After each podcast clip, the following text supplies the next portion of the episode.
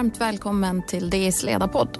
Det var ett tag sedan vi spelade in, vilket beror på att vi har varit lite kort om folk. Men nu är vi i alla fall tillbaka med ett sista avsnitt här innan vi gör sommaruppehåll.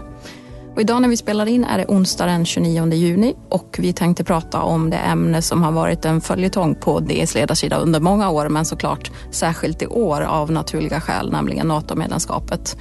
För vi befinner oss ju i en väldigt viktig NATO-vecka med det pågående toppmötet i Madrid och inte minst då genombrottet i förhandlingarna med Turkiet igår. Jag som pratar heter Frida Wallnor och med mig från Blekinge har jag PM Nilsson. Hallå PM. Hallå, hallå. Vad vet vi egentligen om de här förhandlingarna igår? Vad, vad var det som, som gjorde att man, man gick i mål? Ja, det här avtalet som har presenterats, eh, tio punkts papper och de hårda punkterna där eh, är nog att Sverige upphäver det man kan kalla för ett vapen, vapenexportembargo. Att man säger att man ska sluta stödja YPG och det har ju rimligen att göra med eh, det här avtalet med den politiska vilden Amineh Kakabaveh, tidigare vänsterpartisten, som stipulerar just att Sverige ska utveckla samarbetet och stödja YPG. Men det säger man nu här att man ska sluta med. Och, det, och YPG är då en organisation i norra Syrien som eh, Turkiet ser som en systerorganisation till PKK och därmed terrorklassat. Sen ska Sverige se över sina utvisningsrutiner.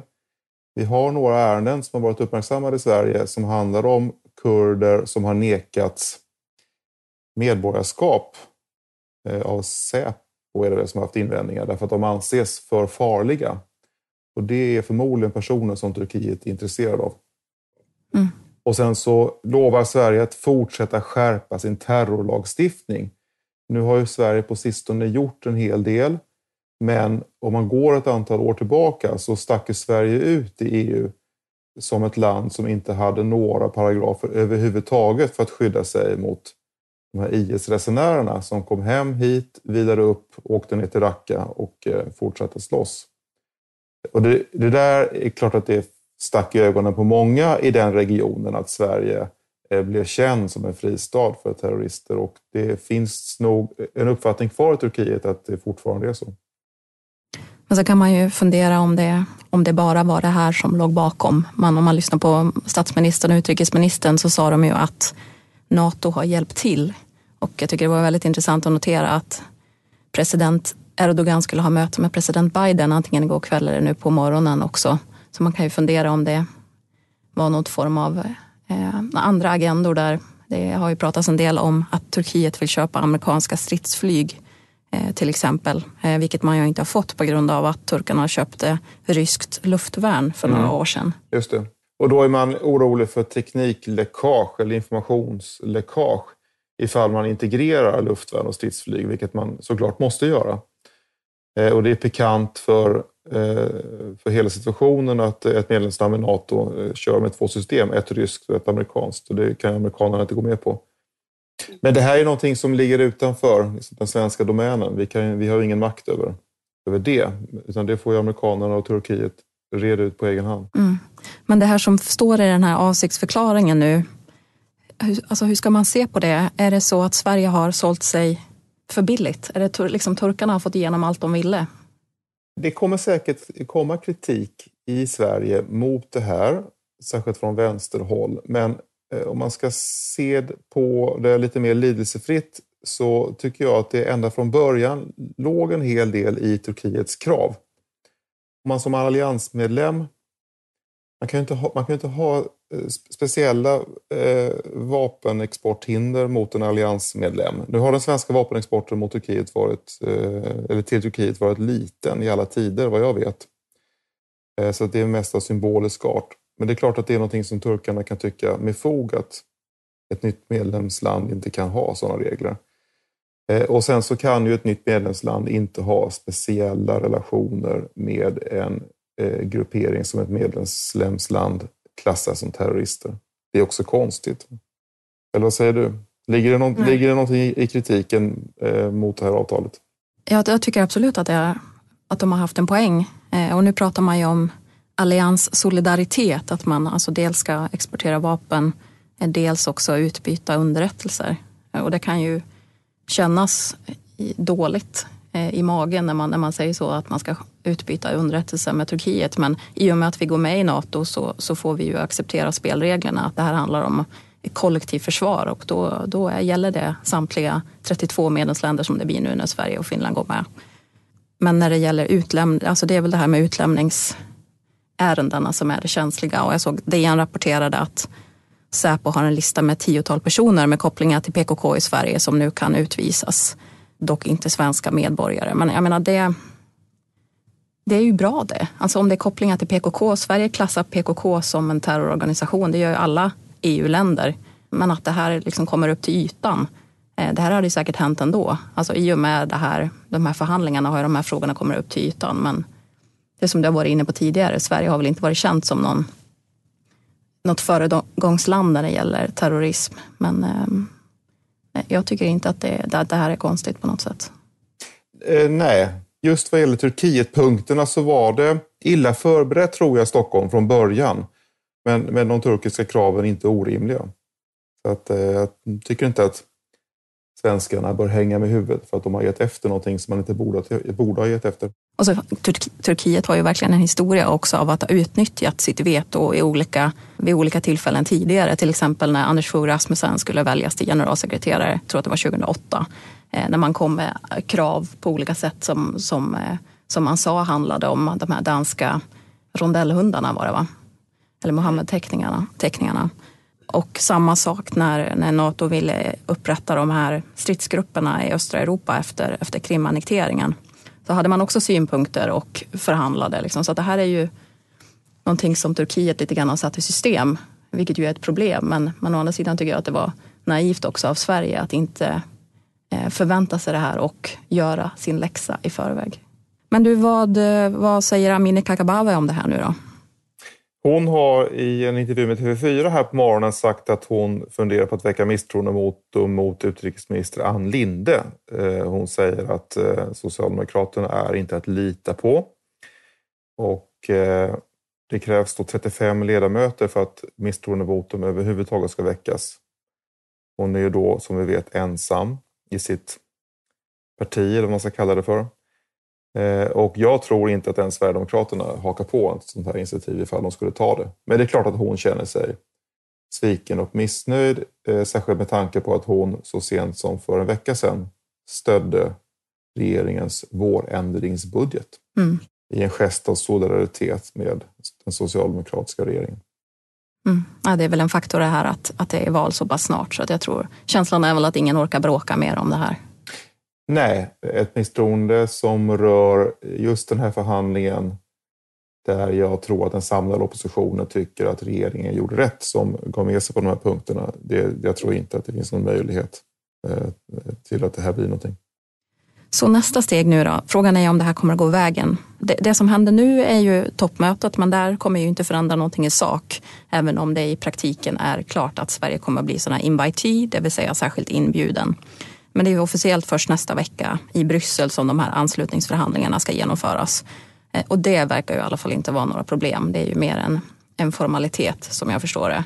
Och sen efter det så börjar den här ratificeringsrundan att alla eh, parlamenten, de 30 parlamenten runt om i NATO eh, ska godkänna. Och det är ju många som redan har gjort det, till exempel Danmark, till exempel eh, de baltiska länderna och så vidare. Men, men för svensk del så gäller det ju också att det här faktiskt inte bara var nu någonting som man har sagt för att få turkarna att ge med sig, utan det här kommer ju eh, det turkiska parlamentet kunna säga nej då om det visar sig att Sverige inte levererar vad man har lovat nu. Så att man ska kanske inte helt ropa hej, men, men det ser ju väldigt bra ut i alla fall inför fortsättningen. Och experter verkar tro att framåt årsskiftet att det ska vara helt klart. Just det. Finns det något kvarvarande land som kan krångla? Eh, var det Slovakien som eh, hintade i början av processen. Att man på grund av någonting helt annat. Ja, jag för mig det var Kroatien. Kroatien, okej. Okay. Mm. Men sen, sen, har man inte hört någonting mer tycker jag eh, från något land och USA trycker verkligen på för att Sverige och Finland ska bli medlemmar. Man verkar väldigt angelägen. Ja, man kan ju undra varför amerikanerna är så pass angelägna att, de, att, att Sverige och Finland ska bli medlem. Eh, vad tror du är, vilka liksom strategiska fördelar finns det för USA att, att Sverige blir NATO-medlem? Ja, du kan nog det där egentligen bättre, men jag lyssnade på eh, Bob Menendez som är ordförande i senatens utrikesutskott som i, eh, för, strax före midsommar eh, ledde en hearing vad gällde det finska och det svenska medlemskapet. Hej, Ulf Kristersson här. På många sätt är det en mörk tid vi lever i. Men nu tar vi ett stort steg för att göra Sverige till en tryggare och säkrare plats. Sverige är nu medlem i Nato. En för alla, alla för en. Expressen gör varje vecka podden Politikrummet där vi djupdyker i det senaste och viktigaste inom svensk politik. Med mig, Filippa Rogvall, som programledare tillsammans med mina vassa kollegor. Och det är ju ni som heter Thomas Nordenskjöld, Anette Holmqvist och Viktor Bartkron. Politikrummet kommer med ett nytt avsnitt varje tisdag. Vi hörs.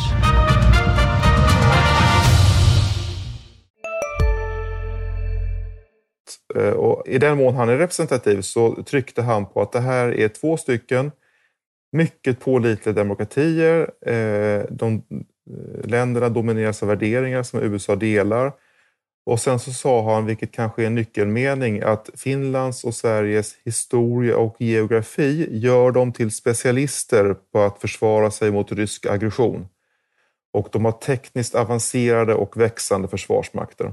Och eh, det är ju rim, rimligen så har USA under hela kalla kriget och fortsättningsvis och nu betraktat de här två länderna som eh, väldigt pålitliga bundsförvanter mot Ryssland i alla avseenden.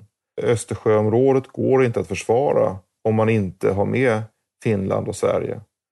Det gör det ju rimligen det är så att USA självklart välkomnar de här två länderna mm. och vill ha med dem. Och man, man tycker att detta stärker eh, den amerikanska utfästelsen eh, till norra Europa. Ja, men jag håller helt med dig om det här. Jag tror geografin spelar en jättestor roll i och med försvaret av Baltikum, eh, inte minst. Och nu det här hotet som är mot Litauen så blir det ju ännu tydligare när man funderar om det skulle hända någonting, hur, man, hur Nato skulle då agera i praktiken. Eh, att det blir betydligt lättare att försvara Baltikum om man har tillgång till också svenskt territorium. Eh, men sen så tror jag att eh, underrättelse, svenska underrättelser om Ryssland väger väldigt tungt här. Sverige och USA har ju ett väldigt långtgående underrättelsesamarbete. Så nu väntas, antar jag, det här samarbetet också sträckas ut till att omfatta Nato. Så det tror jag absolut ses som en tillgång för Sverige i det här sammanhanget. Men sen som du säger att, att Norden blir mer en, en enhet, en säkerhetspolitisk enhet. Det är ju från amerikansk synvinkel säkert rimligt på alla sätt och gör det säkert lättare också att, att delegera försvaret av, av norra Europa till, till de länderna det faktiskt berör. Att man vet att det finns eh, betydande samverkansmöjligheter och, och så vidare. Så jag, jag tror att för amerikansk synvinkel är det, gör det saker och ting mycket lättare. Du, på toppmötet så ska man också anta ett nytt strategiskt koncept. Ja. Vad innebär det? Ja, det här är ju liksom den långsiktiga strategin eh, och det är den åttonde i ordningen för Nato. Och eh, i praktik, ah, det, det, det, är ungefär 40 sidor sådana här koncept och man, det är som en, eh, inte som en regeringsförklaring utan man, man liksom identifierar man tittar på det säkerhetspolitiska läget, identifierar hot, motståndare, partnerländer och så vidare. Eh, och det senaste som man, som man antog var då 2010 eh, och då hade man en väldigt ljus syn på världen kan man säga. Eh, man hade en, en syn på Ryssland som ett partnerland. Eh, Kina verkar man inte ens vara medveten om existerar eftersom Kina inte ens nämns. Eh, så det var verkligen på tiden att man gör en uppdatering av det här strategiska konceptet och nu är det helt andra tongångar. Eh, Ryssland pekas ut som ett som det mest eh, tydliga och direkta hotet mot Natos säkerhet. Kina benämns som en utmaning mot Natos både intressen, värderingar och säkerhet. Eh, och man breddar också eh, själva definitionen av hot. Man pratar om klimatförändringar och annat. Så det är en väldigt tydlig modernisering av, av Natos liksom, strategi. Men man ska ju också man ska ju rusta upp verkligen mobilisera och förbereda sig som om en attack från Ryssland var nära förestående. Man ska ju bland annat förstärka de här eh, stridsgrupperna i östra Europa betydligt. Man ska verkligen öka antalet eh, insatsberedda NATO-soldater över hela Europa. Eh, från vad var det, 40 000 till 300 000. Det var ju en otrolig ökning. Så det märks att det, här, det har blivit ett uppvaknande den här våren och det, det, det avspeglar sig också i den här strategin. Men sen är det en massa andra frågor som man ska hantera nu på toppmötet. Bland annat så ska man komma överens om att minska koldioxidutsläppen som organisation. Man ska upprätta en ny innovationsfond, man ska satsa på så nya teknologier. Man ska också fatta beslut om ett nytt stödpaket för att hjälpa Ukraina, bland annat med vapen, bränsle och annat. Så det, det, är en lång rad frågor som man, som man ska hantera. Men jag tror att för toppmötets skull så kunde man ju inte fått en bättre start i och med det som skedde på tisdagskvällen. Då. Stoltenberg var ju väldigt nöjd med det här att, att Sverige och Finland nu, att dörren är öppen och det kan man ju förstå. Det är ju det här att man inte har kunnat enats om det här har ju varit verkligen ett misslyckande för Nato i den här tiden när, man, när det har varit så viktigt att hålla ihop och utåt sett att man har hållit ihop gentemot Ryssland. Så att turkarna nu rättar in sig i ledet är ju på alla sätt positivt. Men du, um, om Sveriges roll som NATO-medlem då? Eh, vet vi någonting mer om det? Finns det någon planering som pågår?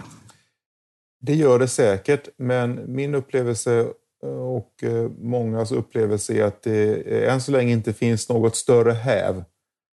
På Försvarsmakten så har man säkert börjat en planering och på Försvarsdepartementet också, men det är inte så att man upplever att regeringen har kraft att börja arbetet som kommer när Sverige blir medlem.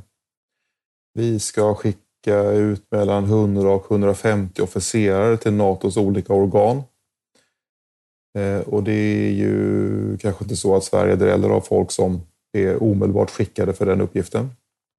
Och sen så eh, är det ju rimligt att Sverige räcker upp handen och säger vi tar gärna ansvar för det här. Vid sidan av att vi i likhet med nästan alla andra NATO-medlemmar bidrar med trupp i Baltikum och eh, bidrar med stridsflyg i den baltiska luftincidensen så har ju Sverige en enormt stor geografi i ett område som är jätteintressant. Det sträcker sig från Murmanskbasens trakter ner till Kaliningrad. Och vi har Östersjöns i särklass största, längsta strandlinje. Eh, så det rimliga tror jag är att Sverige kommer säga eh, vi tar ett utökat ansvar för Östersjön. Den enda eh, sjömakten som eh, skulle kunna göra det är Tyskland. Och eh, om man tittar på deras planer så har de än så länge inte varit marint inriktade utan mer på luftvärn och eh, eh markstridskrafter och sådär. Men Sverige har ju en, en, tradition och en flotta, om en liten, och ett ubåtsvapen eh, som är, är relativt mycket starkt. Plus övervakningsteknologier som är avancerade och eh, erkända. Så, så där, om det är någonstans som, som Sverige kommer eh, spela roll så är det nog där. Men sen tycker jag också att man har märkt nu under våren att det har varit en ökad aktivitet när det gäller toppmöten mellan de nordiska ledarna, nordiska ministrar och sådär. Så jag tror att, eh, att Sverige och Finland går med i NATO nu kommer att verkligen vara positivt för det nordiska samarbetet. Att man kanske kommer kunna samarbeta, inte bara militärt och dela upp uppgifterna sinsemellan utan kanske också på andra områden. Ökade energisamarbeten kanske och brandsläckning, vad vet jag. Men, men efter pandemin när det var väldigt tråkig stämning mellan nordiska länderna så känns det ju som att det har vänt. Och jag tror och hoppas att det här NATO-medlemskapet kommer att göra det ännu bättre. Sen så eh, finns det ju en intressant sak med Finland där, där Sverige under lång tid har haft ett fördjupat samarbete. Eh, och vi har ju de geografierna vi har och i och med NATO-medlemskap så får ju Sverige och Finland försvarsförpliktelser gentemot varandra. Och djupare går ju inte att gå. Så där kommer det förmodligen hända saker. Att det svensk-finska samarbetet eh, kanske kommer handla om att man integrerar delar av sina arméer och delar av sitt stridsflyg. Nu efter sommaren så lär väl valrörelsen dra igång på allvar. Eh, men den här frågan är avhandlad nu. Det här kommer inte att bli en valfråga, tror jag i alla fall. Va, vad säger du? Nej, inte om Sverige ska gå med i NATO eller inte, men däremot så borde det bli en fråga, tycker jag, eh, om vad ska man säga, det svenska försvarets utformning och hur vi ska bygga upp det och sådär. Det är ett enormt åtagande som vi gör nu. Eh, dels när vi har sagt att vi ska gå upp på 2% av BNP. Eh, det är en fördubbling av försvarsbudgeten. Den måste finansieras på något sätt. Och sen eh, eh, NATO-medlemskapets konsekvenser för hur vi fungerar som militärmakt. Så, det, det, så det, det, för nästa regering så kommer detta vara en av de stora frågorna och det är ju smakfullt om det märks i valet. Mm. Jag, jag håller med dig, men jag, jag tror inte att det kommer hända tyvärr. Jag tror att det här är för djupgående för att det är någonting som kommer att diskuteras på valdebatter och så, tyvärr. Jag skulle ju också önska, precis som att man skulle behöva diskutera vilken roll Sverige ska ha i NATO, skulle man ju behöva diskutera vilken roll Sverige ska ha i EU. Vi ska ju vara ordförande i EU nu eh, första halvåret 2023. Men den frågan är ju helt anonym i, i den svenska debatten. Så att jag, jag önskar att du har rätt, men jag tror tyvärr inte det. Vi får, vi får sköta den debatten här på, i podden. Det är väl typ bara Israel som utrikespolitiken permanent spelar roll i valrörelserna. Ja. Så vi kanske ska vara lyckliga för att det inte är så i Sverige.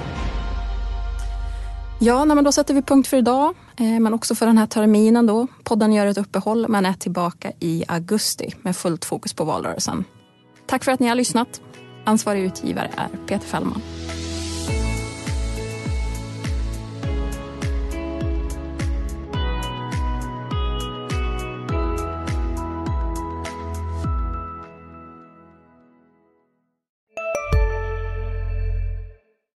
Vi är specialister på det vi gör, precis som du. Därför försäkrar vi på Swedea bara småföretag, som ditt. För oss är små företag alltid större än stora och vår företagsförsäkring anpassar sig helt efter firmans förutsättningar. Gå in på swedea.se företag och jämför själv. Hej, Synoptik här. Hos oss får du hjälp med att ta hand om din ögonhälsa. Vår synundersökning kan vi upptäcka både synförändringar och tecken på vanliga ögonsjukdomar. Boka tid på synoptik.se.